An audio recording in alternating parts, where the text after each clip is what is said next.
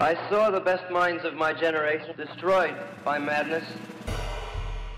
Det er den drømmen vi bærer på. Fra en annen virkelighet. Kulturuke. Eh, ja, jeg heter Dag Solstad, og dere hører nå på Bokbaren, og der er altså jeg. Ja, hei og velkommen til Bokbaren. Mitt navn er Yasin, og med meg i studio i dag har jeg Herman, Yes, det stemmer. Helle og Ingeborg. Hallo! Selv med litt sånn labert her fra Herman, så er vi veldig glade for å være her i dag, selv om det er litt kaldt og grått i Trondheim.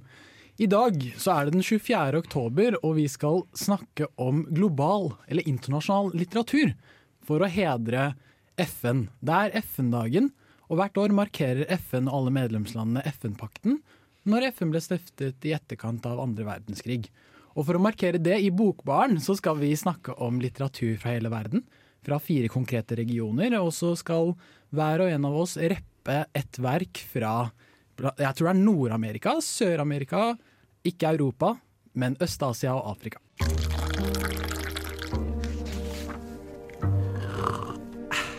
Du lytter til Bokbarn.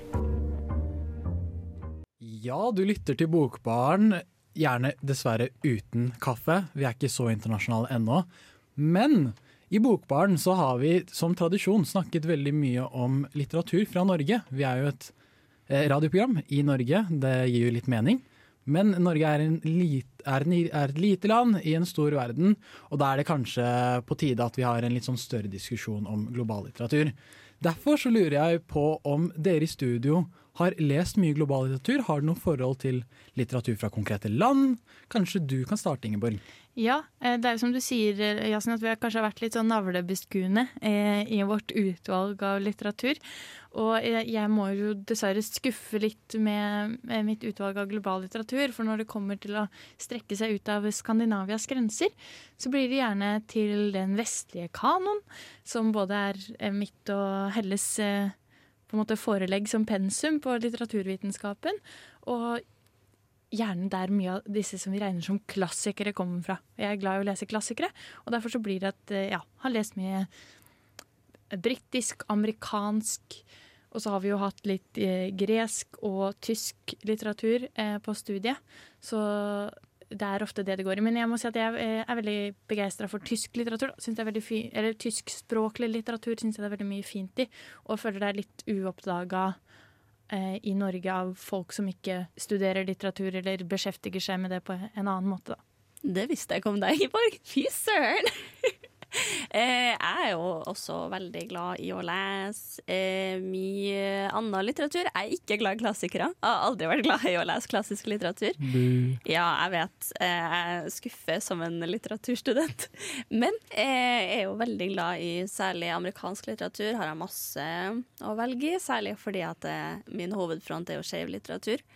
Men annet enn det så har jeg jo f.eks. i sommer spredd meg veldig ut til Asia, og da særlig eh, i sommer så leste jeg indisk og japansk litteratur. Kjempegøy. Eh, annet enn det så er jeg veldig glad i folklore, eventyr og folkefortellinger, så sånn sett så eh, leser jeg veldig mye inspirert, eh, i hvert fall. Om det ikke er direkte fra andre steder. Ja, eh, for min del så har det jo seg sånn at jeg, jeg studerer jo nordisk eller norsk litteratur, så det blir jo kanskje litt sånn ensporig til tider. Nerd! Ja, Kommer litt, fra litteraturviteren. Unnskyld. Jo, men det, det skal være lov å, si, eh, lov å si det. Men før jeg begynte å studere nordisk, så føler jeg at liksom Jeg fikk veldig tilbake min barn, barndommelige leseglede gjennom internasjonal litteratur. Fordi jeg eh, Da jeg var 17, da plukka jeg opp uh, Murakami. Og kjente litt sånn på følelsen av Oi, det her er liksom Her ligger det mye, mye bra, da. Så jeg har lest en del eh, Murakami, japansk. Jeg tror det er veldig vanlig eh, for norske lesere, sånn inngang til utenlandsk litteratur, da. Særlig japansk. Ja, og det blir jo gjerne litt sånn eh, for norske lesere til eh, utenlandsk litteratur, særlig ja, som du sier, eh, fra Asia og f.eks. Sør-Amerika, Afrika. eh, som vi ikke får inn gjennom på en måte det her vestlige mediebildet i like stor grad som amerikansk og engelsk litteratur. At man på en måte leser de her liksom kanoniserte verkene, de store navnene. Det blir vanskelig på en måte å oppdage eh, nye forfattere som på en måte ikke har oppnådd den verdenssuksessen nødvendigvis, da, som forfattere som Murakami har, fordi vi ikke leser eh, japanske aviser, for eksempel, eller lytter til japanske podkaster av åpenbare grunner. Vi kan ikke japansk. Ja, altså selv om jeg studerer, eh, studerer norsk, da, så er det jo litt sånn at jeg, jeg leser jo fortsatt eh, bøker som ikke er norske. For jeg har, en, jeg har interesse for det. Og jeg har jo f.eks. beskjeftiget meg veldig med de store russiske romanene, da, som, er, som jeg syns er veldig bra. Ja, jeg eh, synes i utgangspunktet at eh, det er litt spenstig at dere har lest veldig mye internasjonal litteratur. Jeg føler sånn En fellesnevner kanskje kan være at europeisk litteratur Jeg mener at Russland er en del av Europa. Jeg vet ikke om det er veldig kontroversielt nå, til, eh, nå for dags. Men jeg har i motsetning til dere kanskje lest litt annerledes litteratur. Jeg beskjeftiger meg hovedsakelig med afrikansk litteratur. Jeg elsker å lese postkolonial litteratur. Chinua Chebe my bay, hvis det er mulig å si. Eh, Og så studerer jeg jo spansk, eh, selv om mine spanskferdigheter innebærer at jeg egentlig skal lære meg nok spansk til å kunne lese litt litteratur, så er jeg ikke på det nivået ennå. Men jeg leser jo de tekstene på norsk eh, først, og da har jeg fått ganske mye ut av det. Jeg syns det er litt vanskelig sånn Internasjonal litteratur er jo veldig vanskelig å si. Er det litteratur som handler om bøken, handler det om regionene? Er det sånn, hvis jeg er en norsk forfatter og skriver en bok om Argentina, er det litteratur fra Argentina? Eller er det litteratur fra Norge om et fremmedland? Er det noen som har noen tanker om det? Uff, eh, den er hard, altså. Det er eh, tough nut to crack. Eh, den er, vil jeg gjerne bryne meg litt på. Ja, jeg føler kanskje at det blir litt feil å kalle det litteratur fra Argentina, med mindre personen på en måte har en eller annen kulturell tilknytning, altså har noen forfedre fra Argentina, et eller annet sånt. For det jeg føler med eh, det som vi omtaler som norsk litteratur, er, for eksempel, da, er jo det som fanger mye av eh, på en måte vår samtid i Norge, men hva det vil si å være norsk eh, elementer man kjenner seg igjen i, uten at dette er en sånn håndbok i 'Velkommen til Norge', så uttrykker det på en måte om noe vår, vår felles kulturforståelse i Norge. Og det er kanskje det en bok fra Argentina skal gjøre, da. Uttrykke en felles kulturforståelse for menneskene i Argentina, som da vi som utenlandske lesere kan få et innblikk i ja, kulturen og samfunnet som eh, er der. Ja, og det er liksom sånn Det er veldig vanskelig i den globale verden å definere hvor litteraturen kommer fra, i hvert fall. da. For eksempel da, så er det jo mange forfattere som har skrevet fra, fra Paris gjennom tidene, som har kommet fra andre steder. Og August Strindberg, den svenske forfatteren, skrev jo til og med fra Paris på fransk, og så ble det oversatt til svensk senere. Og det er jo, liksom, det er jo fortsatt svensk litteratur. Ja, eh, og jeg synes dette går veldig Jeg synes diskusjonen er veldig bra. Fordi vi klarer på en måte å, ta tak i den, litt, den kjernen av identitet, og hvor kommer litteraturen egentlig fra? Hei, det her er Mathias Samuelsen, og når jeg skal finne ut av hva som foregår i det litterære landskapet, så hører jeg på Bokbarn på Radio Revolt. I Bokbaren i dag så prater vi jo om internasjonal litteratur. Og hver og en av oss har fått i oppgave å lese et verk fra en konkret region i verden. Selvfølgelig er den globale litteraturen ikke representert av kun ett verk, og ikke bare av én sjanger. I dag har vi valgt å fokusere på historisk fiksjon. Derfor lurte jeg på Herman. Historisk fiksjon, hva er egentlig det? Ja, historisk fiksjon, det er jo Det ligger jo litt i ordene, men det er en ganske stor eh, litterær sjanger som er skrevet i eh, til all tid, og det finnes mange store verker som er skrevet på en måte som historisk fiksjon. Men sånn i bunn og grunn så er det en fiksjonalisering av historien, den skrevne historien. Si at du eksempel skriver en fiksjonell handling om andre verdenskrig, da. Sånn noe som egentlig ikke har skjedd, da, men du på en måte fletter inn det oppfunnede eller oppdiktede inn i ting som har skjedd i historien. Da. Det er veldig populært å skrive f.eks. moderne vikinggjenfortellinger i alternative former. Ja, det er kanskje vi ser mye i, i filmer også. Jeg føler det kommer flere og flere filmer som tar utgangspunkt i en kjent person sitt liv, eller i en periode, og så forteller man ja, på en måte en historie, men med store deler fiksjon. Vi kan kanskje si at uh, serier som The Crown og den nye Marilyn Monroe-filmen kan være en form for historisk fiksjon. Ja, eller uh, på norsk for eksempel Atlantic Crossing var jo en, en uh, serie som fikk det til å koke i, den i, liksom, i kulturlandskapet. Ja, og i dag så skal vi også snakke om den internasjonale historiske fiksjonen, og ikke bare Norge. Og Helle, du har fått i oppgave å fange en hel verdensdel i ett verk. Du, hva er det du har valgt å lese? Å, oh, huff meg. Eh, jo, det var noe å se litt på hva som er på en måte klassisk for eh, USA, først og fremst. Fordi at eh, Nord-Amerika er jo mange, mange land, men eh, kanskje sånn Når man ser på amerikansk litteratur, så er det veldig mye som er representert av mange kulturer, men en kultur som er Eller underkulturer som er lite representert, er jo eh, urbefolkninga. Eh, og da har jeg tatt for meg 'House Made of Dawn' av Narave Scott Mamaday, som helt ærlig er en helt fantastisk bok. Eh, språklig sett så var det Det var som å åpne en godtepose og bare plukke av masse sånn språklige bilder og uttrykk og alt mulig sånt. Men også når det kommer til liksom, kulturrepresentasjonen, så var det mm, det var så deilig å, å se på. Eh, hvordan det her eh, Handlinga i House Made of Dawn den tar for seg forholdet mellom Abel, som er hovedpersonen, og bestefaren hans, og på en måte deres forhold, særlig etter at Abel kommer hjem fra andre verdenskrig og er veldig eh, Han er blitt alkoholist... Alko Alkoholisert, tror jeg det heter. Ja, veldig alkoholisert. Eh, takk. Eh, veldig avhengig der. Og på en måte bruke alkoholen for å slippe unna de her bildene han har i hodet etter andre verdenskrig. Eh, men også bare før han drar ut i krigen, så er det veldig mange fine språklige bilder. Og det, man merker så veldig at eh, Day tok eh, utgangspunkt i eh, området han vokste opp i, som var eh, Hans sette i Puebo Hermes Nei, eh, Hermes? ja, takk.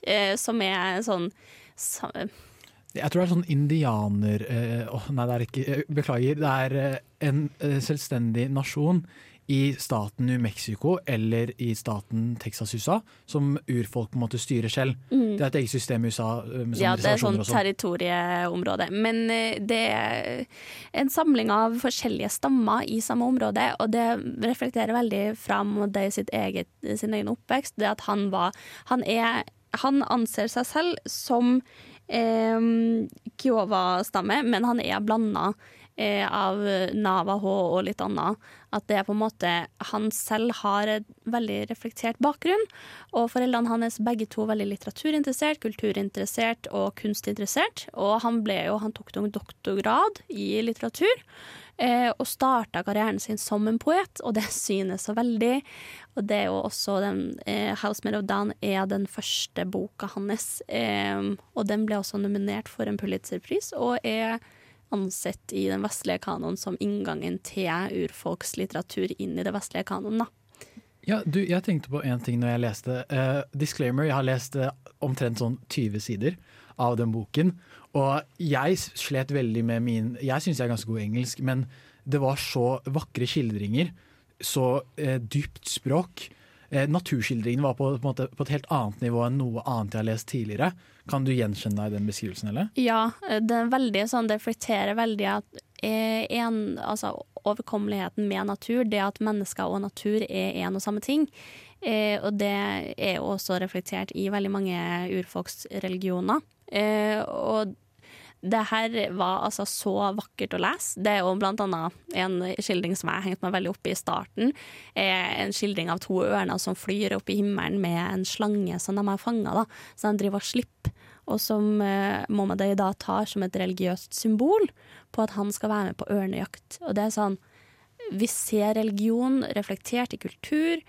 Og alt sammen. Det er så fine språklige bilder, og ikke bare når det kommer til eh, urfolksreligion og sånt, men det også involverer eh, innvandring fra Mexico, hvor at mye av språket er på spansk. Sånn at det flipper veldig imellom. da. Når at du sitter og leser, er det lurt å kunne både spansk og engelsk, egentlig. Ja, bare som, Har du liksom fått nytt blikk på hvordan Eller på liksom sånn kultursammensveisinga i Amerika etter Eh, på en måte ja, men på en annen måte så var det noe jeg er veldig klar over fra før, fordi at det er noe jeg er veldig fascinert av. Så eh, jeg anbefaler veldig å ta en kikk. Det er veldig øyeåpnende overfor kulturen, i hvert fall.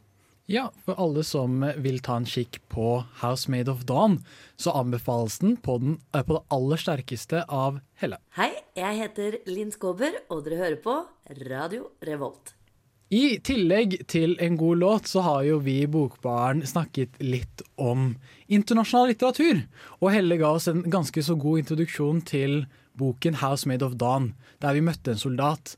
Et gjennomgående trekk for alle de bøkene vi har valgt eh, til dagens sending, er jo at de på en eller annen måte tar for seg tematikk knyttet til krig.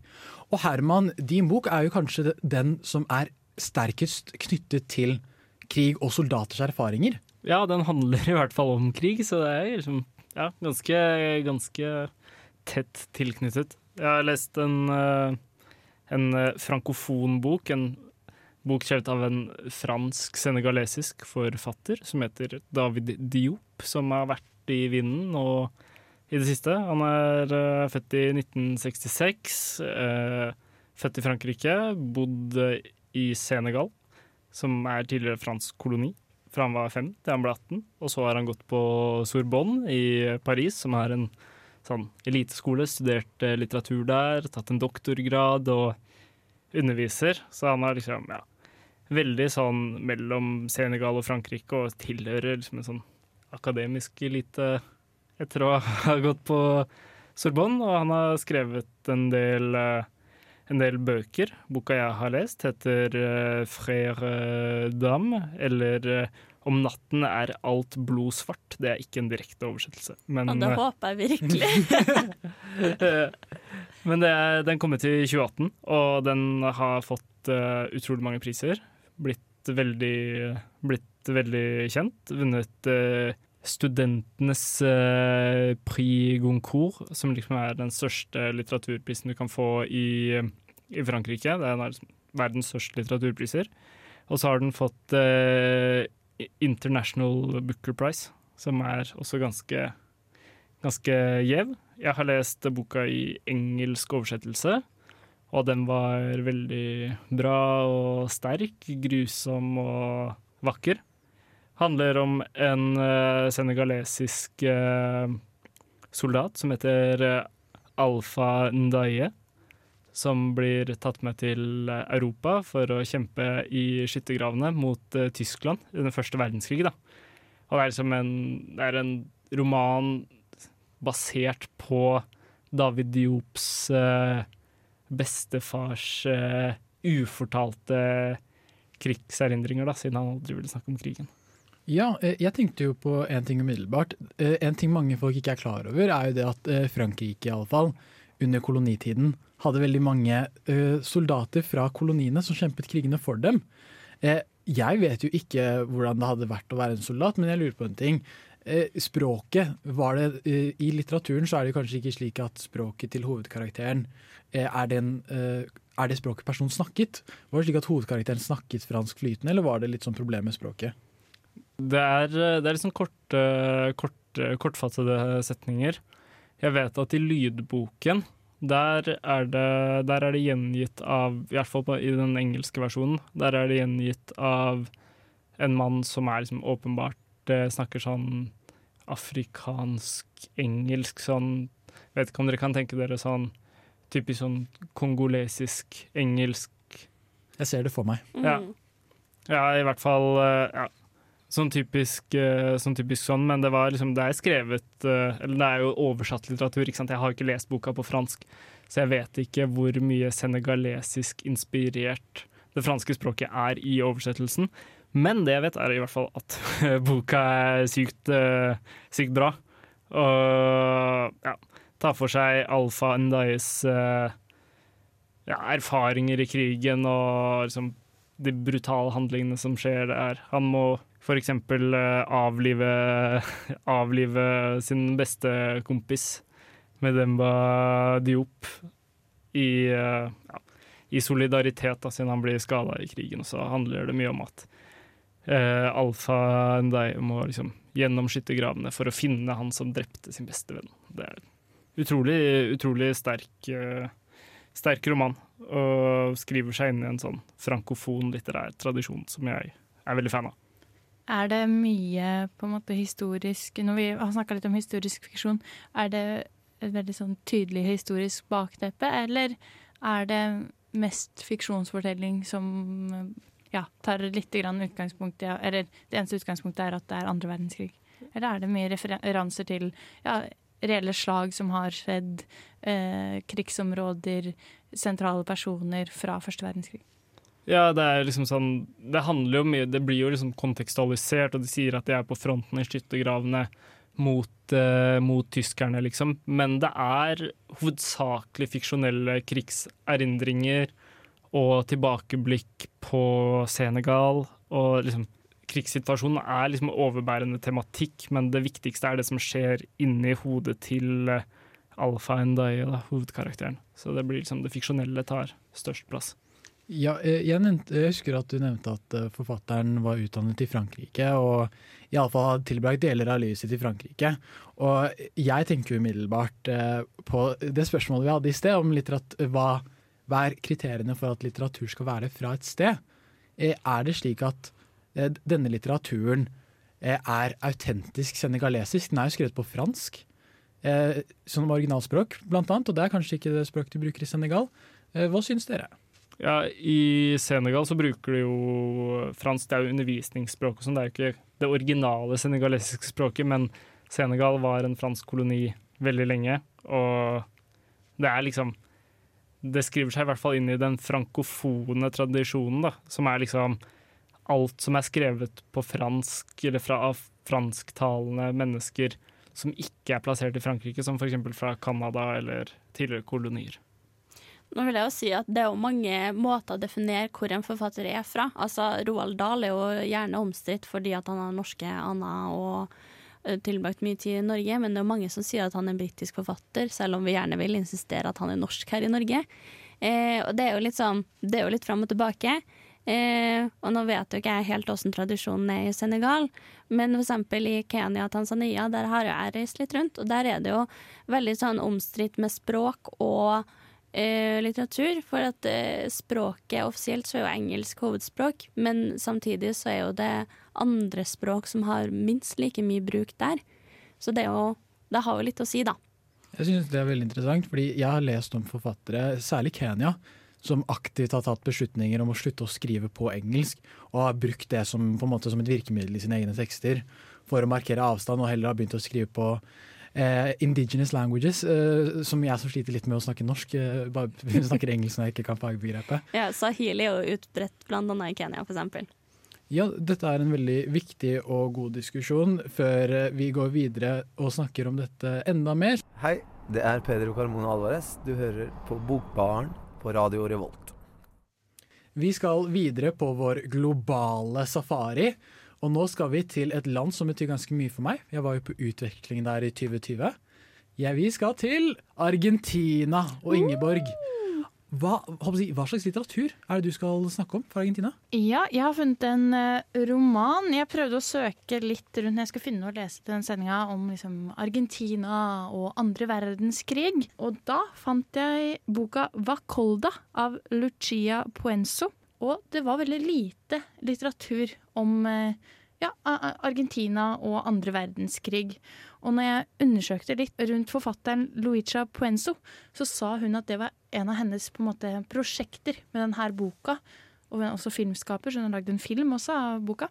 Eh, og det var å fremme på en måte Argentinas både rolle i andre verdenskrig, selv om de ikke var involvert i selve kriginga, så hadde de en ganske sånn sentral rolle etter etter andre verdenskrig, eller kom vel inn helt på slutten.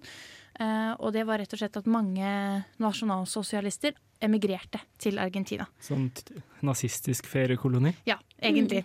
Og uh, Argentina var jo et rikt land, og de bosatte seg der og, og levde faktisk eh, mange med åpne navn. Og da snakker man om de største krigsforbryterne i verdenshistorien. Eh, og det var da presidenten i Argentina på det tidspunktet, Perón, som åpna for at de skulle komme til Argentina. Og forfatteren av denne boka, Luicia Luigia Puenzo, mener at det her er veldig sånn underkommunisert i argentinsk historie, også blant argentinere. Så boka Vakolda den handler om eh, krigsforbryteren Josef Mengele og en liten familie i eh, Patagonia. For eh, de blir, eh, den lille familien er på roadtrip, og der blir de kjent med en eh, tysker som snakker veldig godt spansk og utgir seg med navnet José. Og de blir godt kjent med José, og han er veldig interessert særlig i dattera i familien, som heter Lilith. Og mm, det de ikke vet, er jo at dette er Josef Mengele, dødsengelen. Eh, sjefslegen i Auschwitz som gjorde de verste eksperimentene på alle mennesker. Og han fatter veldig sånn interesse for den jenta, men også den gravide moren. For hun skal føde tvillinger. Og var eh, tvillinger var Mengeles favorittobjekt, så eh, han begynner da etter hvert å forske på de. Og det er så jævlig, fordi leseren forstår jo det her, at hvem han er. Men barn, vi blir på en måte introdusert til han gjennom barnets øyne. Og barnet ser jo bare en sånn hyggelig fyr som prøver å være snill med. Og etter hvert da så blir det jo ne eh, mer og mer suspekte. De finner noen rare tegninger på rommet hans og sånn. Og han blir etter hvert avslørt.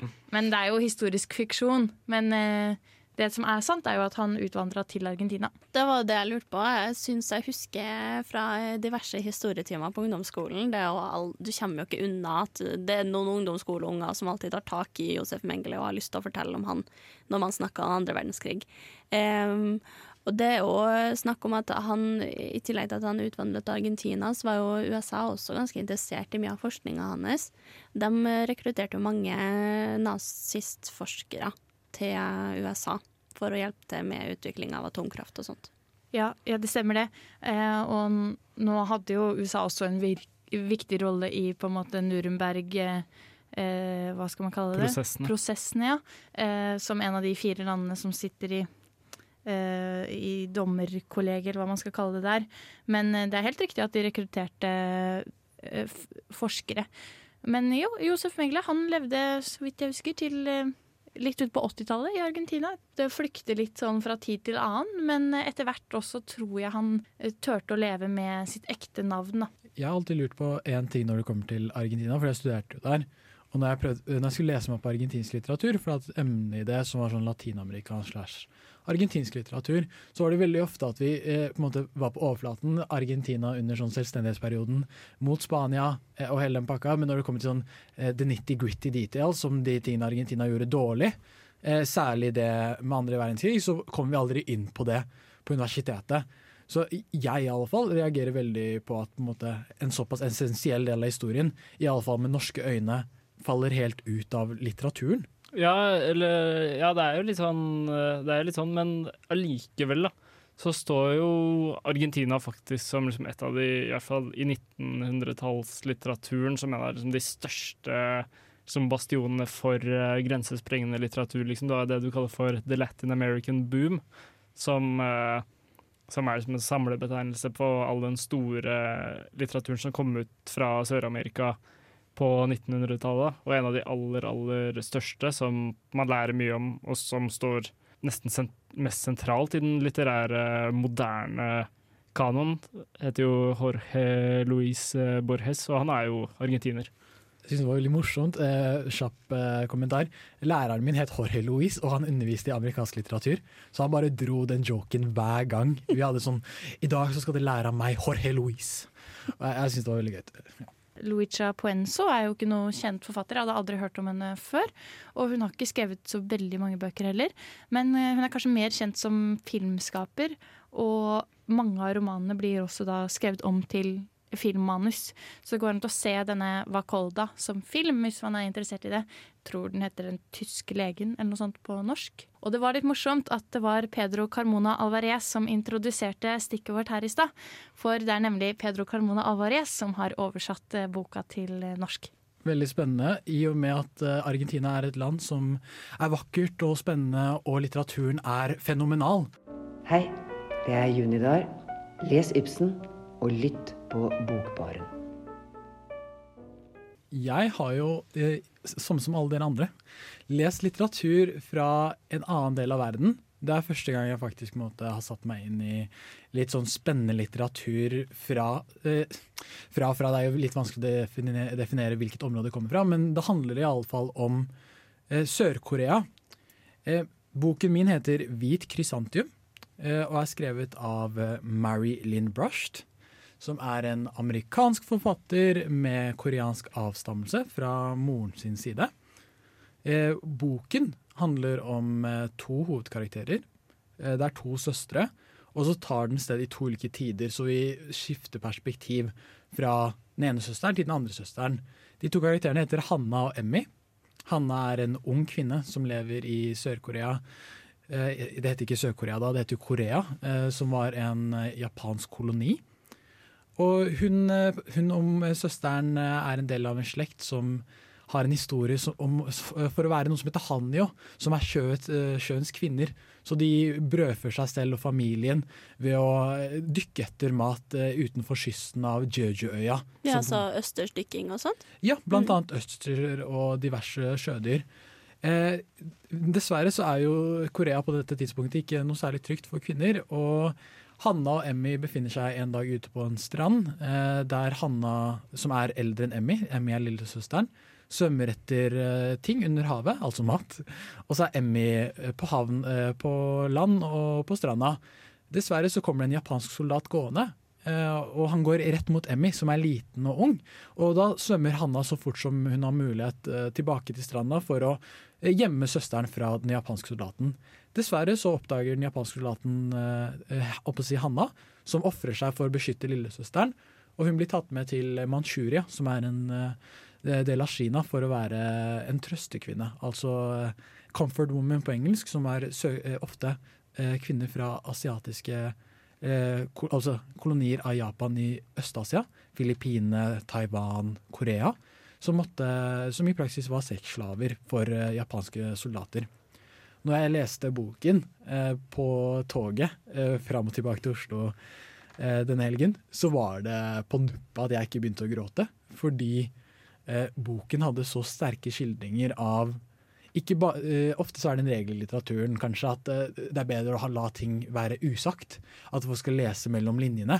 I denne boken så har eh, Mary Lynn Brasht valgt akkurat det motsatte og beskriver alltid en detalj som gjør handlingen mye sterkere. Jeg for eksempel visste ikke noe særlig om Comfort Women før jeg faktisk fikk satt meg inn og lese om det nå.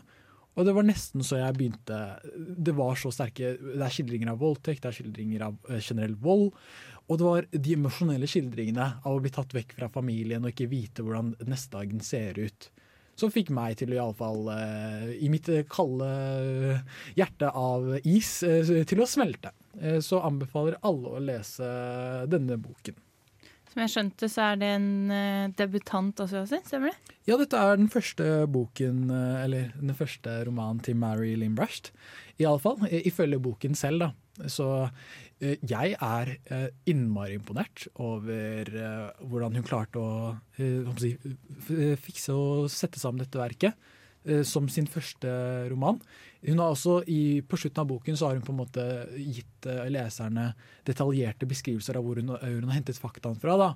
Fordi sannheten er jo at mye av Det er jo historisk fiksjon. Vi vet jo at eh, Emmy og Hanna ikke finnes.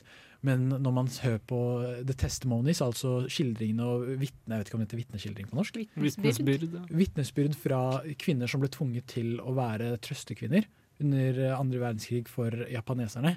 Så har man på en måte skapt disse to karakterene. Så forfatteren kommenterer selv på det i boka, og på en måte hennes researchprosess med å gå inn og finne eh, kilder til eh, selve romanen. Ikke i selve si, handlingsforløpet, men på, en måte på slutten så er det litt mer detaljert informasjon.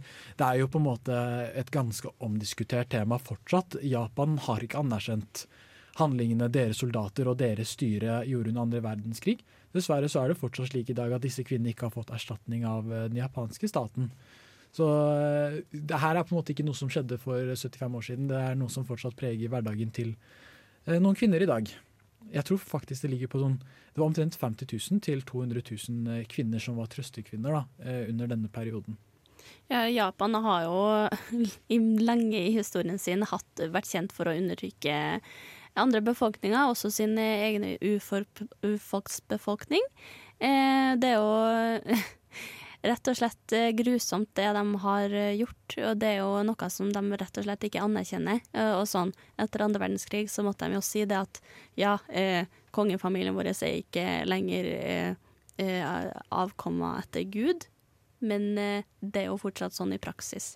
Ja, akkurat det syns jeg var veldig interessant. fordi når jeg leste boken, så var det på en måte eh, Det var jo fra synspunktet til Hanna, eh, Hanna på, i 1943 og Emmy i 2011, så det var sånn eh, Det glemte jeg å nevne i stad, men det var sånn langt handlings... Det var eh, hva skal jeg si, 70 år imellom dem, hvis jeg, kan, eh, hvis jeg regner riktig. Eh, og det vakre på en måte var jo det at eh, man fikk innsikt i en helt annen kultur og en helt annen region. Og et helt annet tankesett. Jeg som på en måte mann i Norge i 2022 skjønner meg jo ikke på hva som foregikk i tankene til en eh, ung kvinne som bodde utenfor kysten av Korea i 1943. Og særlig det at eh, hyllesten av den japanske keiseren som en gudeskikkelse var jo fremtredende i måten man skildret soldatene i boken. da. Så det reagerte jeg veldig på. Det var noe jeg faktisk ikke visste, hadde ikke lært det på skolen at de så på ham på den måten. da. Ja, jeg har vært uh, i nærheten av han, men uh, mer om det senere, skal jeg til å si. Det, det er jo fortsatt sånn i praksis, skal jeg til å si. Ja, boken er vel liksom sånn der en, eh, en sånn, ordentlig oppskrift på typisk historisk uh, fiksjon. da. Sånn at det er en veldig sånn oppdikta karakterer i tilnærmet virkelige situasjoner. Ja, og i hvert fall når du har en forfatterstemme som kommer inn, sånn som du nevnte på slutten, Yasin, og at det blir tydelig at det er en forfatter her også, som på en måte har gravd fram og gjort et researcharbeid. Ja, jeg tenker iallfall at uh, selv om det er historisk fiksjon, så er dette noe vi som kanskje ikke har lært om trøstekvinner uh, på andre verdenskrigundervisninger på skolen, uh, burde lært litt mer om. Hei, jeg heter Ine Jansen, og du hører på Radio Revolt. Fra eh, tidligere under sending så har vi hørt og snakket litt om internasjonal litteratur. Og det gjennomgående trekket er jo det at vi aktivt har unngått å ha Europa som et av våre, å si, et av våre, en av våre regioner som vi prater om. Og det er jo kanskje fordi i alle fall mange mener at europeisk litteratur har dominert eh, si, litteraturen, og at kanskje ne, litteraturen har blitt litt for eurosentrisk, eller litteratursynet vårt i alle fall. Jeg lurer på om dere på studio har noen hot takes om uh, hvor eurosentrisk litteraturen har blitt, eller om den i det hele tatt er det? Nei.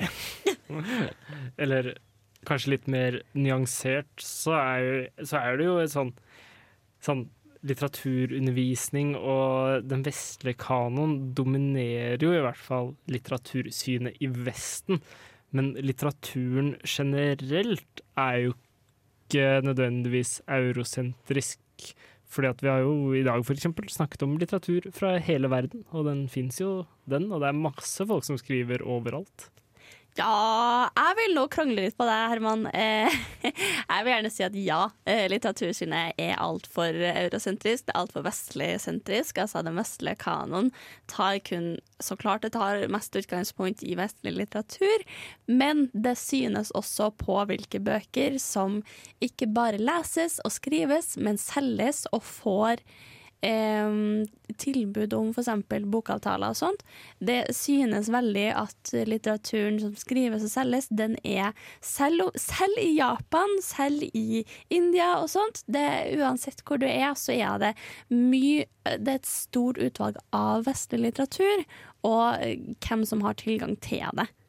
Jeg tror det kommer litt an på hvilken sjanger man beveger seg innafor. Kanskje jeg er enig med deg heller når det gjelder roman og romaner og eh, lyrikk. Men eksempel innafor tegneserier og sånne type ting, så er det jo en veldig sånn dominerende eh, effekt fra Japan med manga.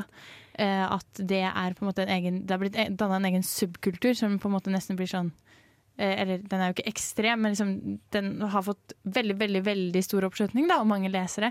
Og nå vet jeg ikke hvordan det er med fanfiction.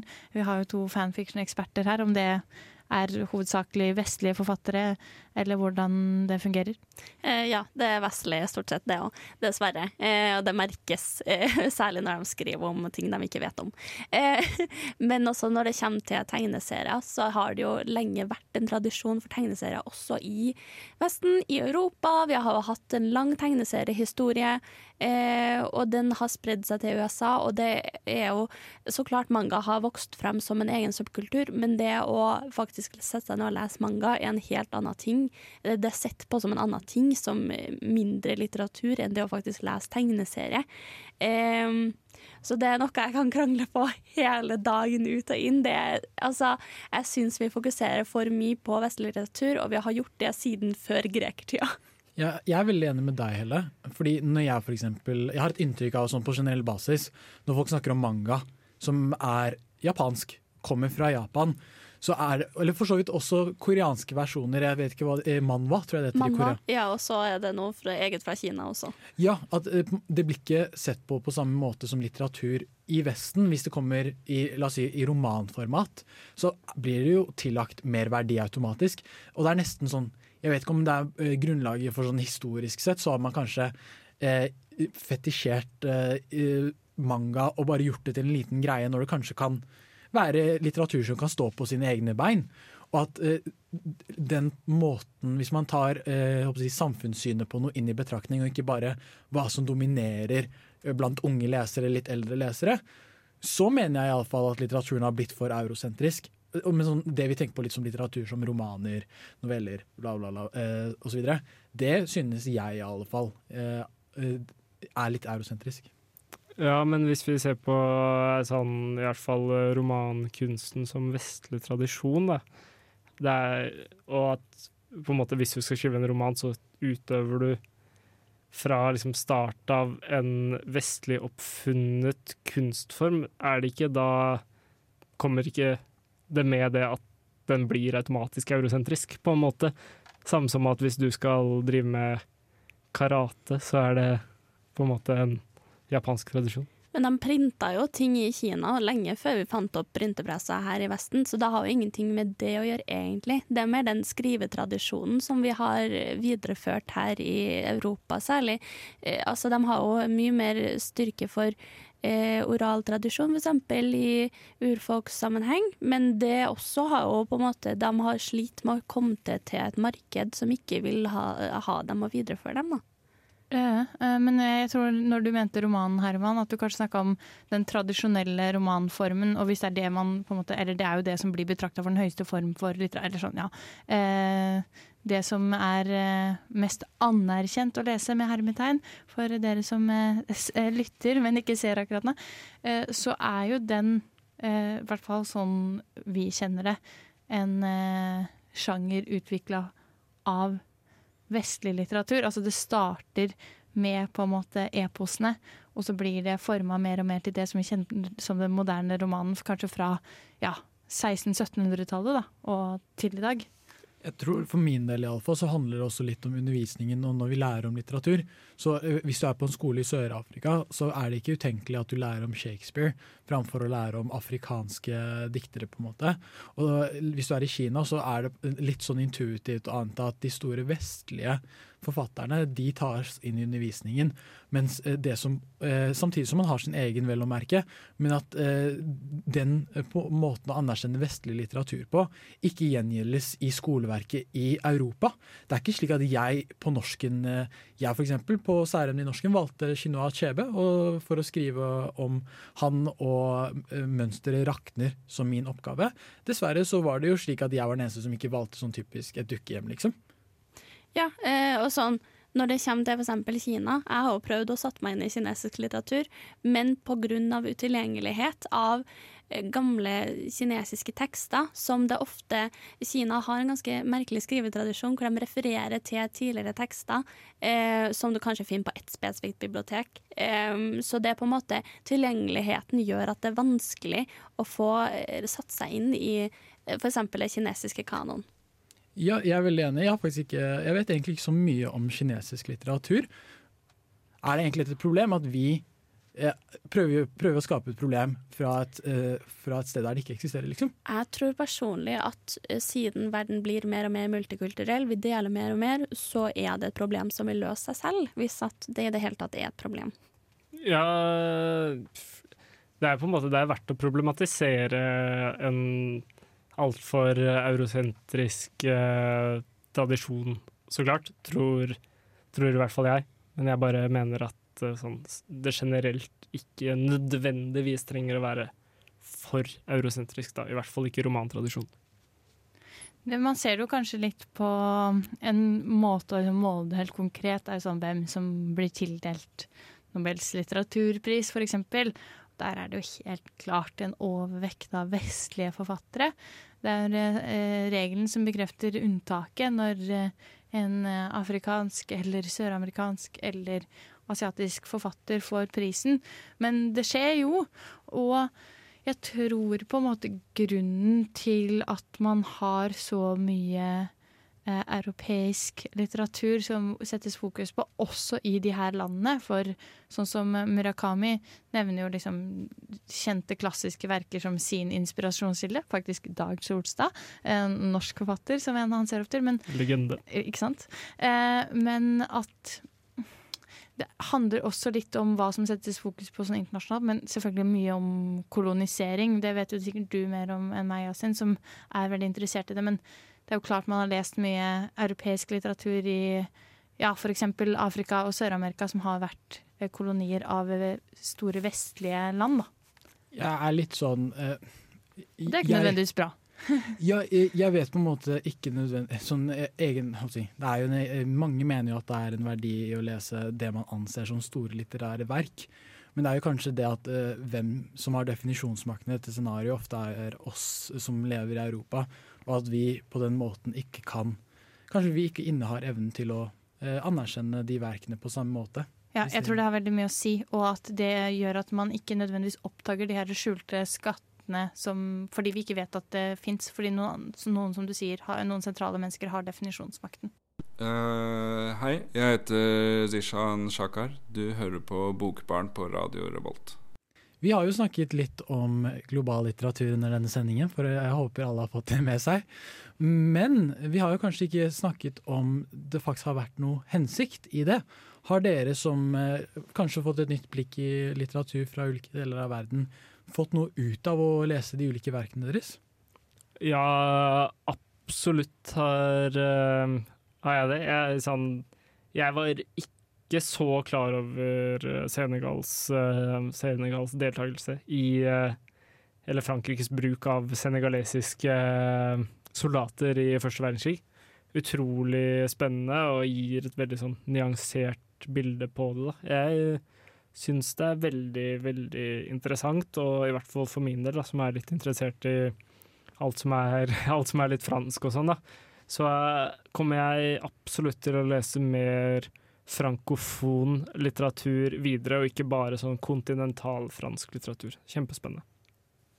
Ja, jeg storkosa meg, for å si det mildt. Det er jo Jeg har jo lest eh, urfolkslitteratur før, men ikke eh, av eh, Mumbai no, Momami. Nå har jeg glemt hva den heter. her. Men- ja, det går fint. Ja. Housemate of Dawn. Ja, eh, den boka. Eh, jeg har jo ikke lest så mye eh, akkurat av eh, urfolk i Nord-Amerika, og helt ærlig, nydelig. Nydelig språklige bilder og hele pakka. Jeg føler jeg har så masse mer å hente der. Og det er jo flere som har blitt utgitt i ettertid, og han har jo også fått utgitt en egen bok eh, til etter det som er inspirert av mytologi, som er rett inn i min eh, min, min eh, perfect, perfect triangle her. Ja, jeg syns det var veldig spennende å lese jeg vet ikke om man sier Lu, Lucia eller Lucia eh, på Eh, og jeg har bare lest et utdrag av romanen Vakolda, så jeg har lyst til å lese resten. Her, nevn, her må det også nevnes at det var en veldig fin oversettelse. Vi har jo ingen av oss lest på originalspråkene, kun oversatt. Eller du har lest på Jeg har lest på originalspråket. Um, og det er veldig vanskelig for meg å si hva som går tapt i oversettelsen eh, språklig sett. Men eh, jeg likte veldig godt det jeg leste, og Pedro Carmona Alvarez er en veldig eminent forfatter på egen hånd, men også en god oversetter. Og jeg får lyst til å lære mer om argentinsk historie. Og jeg syns det er veldig spennende det her kapitlet med hvordan eh, så mange eh, nasjonalsosialister emigrerte dit og tilsynelatende levde så fritt. Og også at du hadde det med andre forfattere, da, eller forfattere, eh, og krigsflyktninger på andre siden av det. F.eks. sånn som Stefan Schweig som flykta til Brasil for å bosette seg der. At du har de derre motpunktene. Han flykter jo fra sitt, eller flytter fra sitt eget hjemland eh, for å eh, slippe unna krigen. Og så har du liksom i nabolandet noen år senere så har du eh, emigrasjon av nasjonalsosialister. Så jeg, jeg, jeg syns den herre klinsjen mellom de to tingene er veldig spennende, og jeg har lyst til å lære mer om det. Ja, uansett hvilken side du er på, så kan du stikke til Sør-Amerika på slutten, liksom. Og ja, det, det, er fritt i sisten, på en måte, eller hva? Ja. Ja, det kan kanskje være en god lære, si. noe å lære ut av den boken. Stikk til Sør-Amerika hvis du noensinne føler enten behovet for å dra dit, eller behovet for å flykte fra noe. Men uh, jeg leste jo også en bok. Uh, jeg uh, Jeg følte Fordi jeg vil, denne, boken er veldig knyttet til følelser, for min del. Eh, jeg innså først og fremst hvor enormt privilegerte vi er i Norge. At vi lever i nåtiden. Og at på en måte uh, folk som kommer til Norge, f.eks. Jeg begynte å tenke på ting som flyktninger, jeg begynte å tenke på ting som kvinners plass i krig. Typ sånn, Det er ikke så mange som kjenner til trøstekvinner, som jeg nevnte i sted. Men også det at til og med de historiene, når trøstekvinner kommer med sine historier, så blir ikke det nødvendigvis lagt vekt på. Og at det er noe vi må anerkjenne i vår nåtid. At vi faktisk ikke eh, prater nok om det, da. Eh, så det er kanskje det jeg fikk mest ut av å lese den boken. Jeg kommer til å bli enda, jeg kommer til å feire 8. mars enda mer når det kommer. Det er veldig bra. Det lover godt. Og det er jo noe med at vi har lest historisk fiksjon alle sammen, og lært mer om et land, og lært mer om eh, et spesifikt forhold i det utgangspunktet her, kanskje til ulike kriger. Men jeg føler, eh, når jeg hører dere snakke, og i hvert fall fra min egen bok, at det handler også mye om menneskelig erfaring. Ja, det er, eh, som du sier, Yasin, trøstekvinner i Japan på 19, eh, nei, Korea på 1940-tallet. Eh, men den menneskelige erfaringen av hva det vil si å være sårbar, kanskje bli brukt vonde opplevelser, den transcenderer til vår tid, og det er det på en måte vi kan man kan kjenne seg igjen i det, så kan også bli brukt til noe annet enn en sånn form for historisk opplysning. Jeg vil også legge til at uh, selv om vi har hatt krig som et hovedtema, så merker man jo tråden av kolonialisme gjennom alle verkene som vi har plukka opp. da. Eh, det å si jo litt om kanskje Europas påvirkning, og også Japan, da. Eh, så kolonialismen sin påvirkning på eh, andre land, da.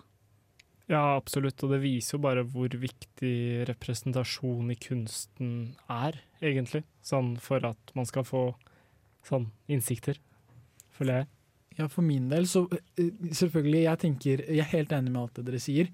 Men jeg føler, eh, når vi leste disse bøkene, så har det er noe jeg iallfall føler at jeg mangler fra min jeg, eh, man, blir, man, er så begrenset i hva man leser. Jeg for eksempel, hører på, eh, det her gjelder på en måte ikke bare litteraturen, men sånn generelt i livet. Når du hører på musikk, når du hører på Spotify, så får du jo bare den musikken de antar at du kommer til å like. Du blir ikke konfrontert med nye ting. Når du leser bøker og er på Goodreads, så anbefaler jo de litteratur eh, som ligner noenlunde eh, på det du har lest tidligere og det du liker. Og at kanskje eh, det er noe eh, med mennesket å bli utfordret eh, ved å lese noe nytt. Eh, og faktisk innse at ikke, dine erfaringer er ikke det eneste som er gyldig. Ja, og det er kanskje det vi har gjort her i Bokbaren i dag. Vi har utfordra oss selv på å utforske litt ny litteratur. Gjort et gjort rett og slett et litteratursøk for å komme fram til de ulike forfatterne. Og egentlig, hva skal vi si, utfordre algoritmene lite grann. Så nå er det bare for oss å dra hjem og høre på afrikansk musikk og søramerikansk musikk. Og vi må bare infiltrere algoritmene på alle plan nå. Se på utenlandske filmer og uh, fortsette den uh, gode aveuropeiseringa vi har drevet med her i dag. ja, litt avkolonisering i hjemmet. Jeg liker det. Detox. Hi, my name is Bob the Drag Queen, and you are listening to Radio Revolt. Velkommen tilbake til Bokbaren, og som Bob the Drag Queen har sagt, så hører du på Bokbaren! Yes. Vi har jo hatt en veldig koselig, lang og grundig diskusjon om litteratur fra hele verden. Og derfor så er det kanskje litt på tide at vi ikke bare tar utgangspunkt i de fire verkene vi har lest, men også annen eh, litteratur fra det internasjonale, som vi kan anbefale til alle dere som lytter til oss. Så Helle, har du noen litteratur du vil anbefale til den vanlige, den menige bokbarlytter? Det har jeg. Eh, igjen som vanlig en skeiv bok, eh, fordi jeg kan ikke få nok av dem. Eh, og da har jeg en bok som heter She Who Became The Sun av Shelly Parker John, som er eh, asiatisk-australsk eh, forfatter. Hun er altså delvis australsk, men hun har altså vært diplomat ganske lenge, vært og reist ganske mye og jobba mye for kvinners rettigheter. Og den boka den foregår da i Kina, og handler da om et eller om ei jente eh, som eh, det ble spådd da, da hun ble født sammen med tvillingbroren sin, at broren skulle eh, bli en stor helt, og hun skulle ikke bli noen ting. Eh, men når broren hennes dør i ganske ung alder, så tar hun altså på seg rollen som broren sin og drar ut i krig. Eh, helt fantastisk eh, bok. Så det er der Mulan har henta inspirasjonen sin. Eh, definitivt, men den er også inspirert ganske mye av eh, ganske tradisjonell kinesisk litteratur. Så det er ganske mye å hente der. Eh, litt vanskelig å sette seg inn i, men fantastisk fint skrevet. Har du noen anbefalinger, Ingeborg? Nei, jeg sto akkurat her og prøvde å gå gjennom eh, lista mi og på Goodreads. eh, Jeg har ikke logga alt jeg har lest i mitt liv der, men de senere åra. Og det var helt flaut, fordi det var eh, ett verk som var ikke-vestlig, men ikke ifølge deg, Yasin, fordi du eh, regner jo Russland som eh, Vesten. Um, og det var rett og slett Anna Karenina av Tolstoy. Men jeg vil ikke anbefale det. Eller Den er jo bra, du- les den, liksom. Men jeg, jeg, gidder ikke, jeg gidder ikke anbefale den boka akkurat nå, for jeg vil anbefale en, en eh, portugisisk språklig eh, roman i stedet for. Jeg vil bare si én ting. Eh, Jeg skal ikke gatekeepe Russland og si at det på en måte er eh, at, at de bare er vestlig. Eh, Så gjerne anbefale russisk litteratur òg. Når det kommer til russisk litteratur, så leste jo vi også Solaris i fjor. Den er vel polsk? Oi, en polsk? Ja. Never mind. Men de er jo, de er jo naboer. Er. Eh, men, Å eh, nei, er, er Eh, Det er mye bra polsk litteratur, faktisk. Stanislav Lem, men også uh, Olga Torkatsjuk, som faktisk har mottatt uh, Nobelprisen i litteratur. Jeg absolutt anbefale. Men alle har jo hørt om Anna Karenina. Det var derfor jeg syntes det var kjedelig å anbefale den boka. Så jeg skal anbefale en bok av José Saramago, også Nobel, nobelprisvinner i litteratur fra Portugal. Og han har skrevet en bok som heter 'Beretning om blindhet', som handler om en fiktiv epidemi eh, som angriper hele menneskeheten, hvor alle blir blinde. Og de blir altså helt Den går helt ned på det eksistensielle planet og utforsker eh, hva det vil si å være et menneske, og hva som skjer når vi mister en del av det som gjør oss eh, til siviliserte eh, skapninger. Da. Og verden bryter rett og slett helt sammen, men det er et veldig, veldig, veldig fint portrett av eh, ja, eh, hva som kan eh, skje med oss mennesker når vi rett og slett blir blinde. I både, hva skal jeg si, eh, overført og bokstavelig betydning. Har du anbefalinger, Herman? Yes, jeg har en uh, anbefaling fra, fra sol, solens, uh, solens land, uh, Japan. Jeg vil anbefale en bok av den legendariske japanske forfatteren Yukio Mishima, som var ganske Han har skrevet bra bøker, var ganske gæren. Ganske sikker på at han tok, eh, tok livet sitt ved sånn seppuku, sånn tradisjonell eh, Ja! samurai-selvmord. Stikke seg selv i magen med et sverd, og han prøvde vel å ja, gjøre et kupp med sin egen ja, Han prøvde å gjøre statskupp i Japan. Mye spennende med han. Men eh, han har skrevet en veldig bra bok som heter 'Sjømannen som falt i unåde med havet', som er eh, utrolig god, spennende beretning om en om en gutt og en, eh, en gutt og en mor eh, som bor sammen og sitter igjen med en del eh, en del penger etter eh, en far som er borte, og så får eh, denne moren en eh, ny, ny type, da, så er det liksom ja, ja litt, litt krangling mellom gutten og den nye typen til, til mora. Så det er bra, bra bok. Jeg synes eh, det var litt morsomt at du nevnte Sepeku. eh, Fordi, eh, ikke for å spoile alt som skjer i Hvit Krisantium, men eh, for å si det mildt, så er det en eh, japansk soldat som dør ved å gjøre det. Eh, Men eh, min anbefaling eh, jeg, skal, jeg kan være litt vågal eh, eh, nok en gang. Vær litt kontrær nå, Yasin. Give it to us. har jeg, ok, jeg skal, være, jeg skal på en måte være det motsatte av Jeg skal gå for en som er eh, ganske kjent. Jonas Lie?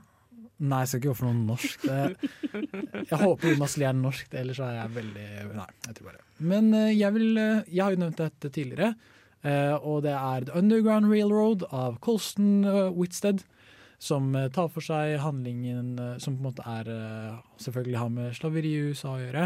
Jeg syns det er vakre skildringer. Det er en TV-serie som baserer seg på boken, og jeg fikk iallfall ganske mye ut av det.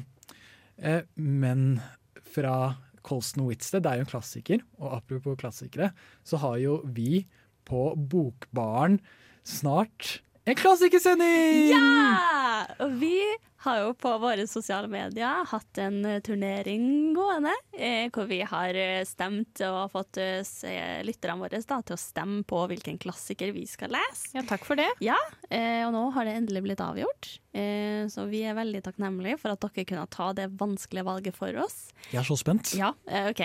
Er dere klar? Ja. Så den boka som vi skal lese, er Animal Farm av George Orwell. Yes, sir. Short but sweet, håper jeg.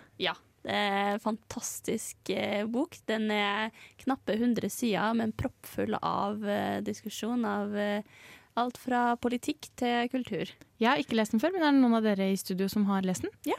Jeg har lest den i fransk oversettelse i sommer, av eh, alle ting. I en sånn eh, ja, tverrspråklig versjon. Veldig spennende. Mm, Men den er så bra at dere har lyst til å anbefale den igjen? Ja, jeg leste den for kanskje snart ti år siden, eh, og det gleder meg masse til å ta et dypere dykk igjen. Jeg har også lest George Orwell, 'Animal Farm'. Du hører nå på en podkast fra Radio Revolt, studentradioen i Trondheim.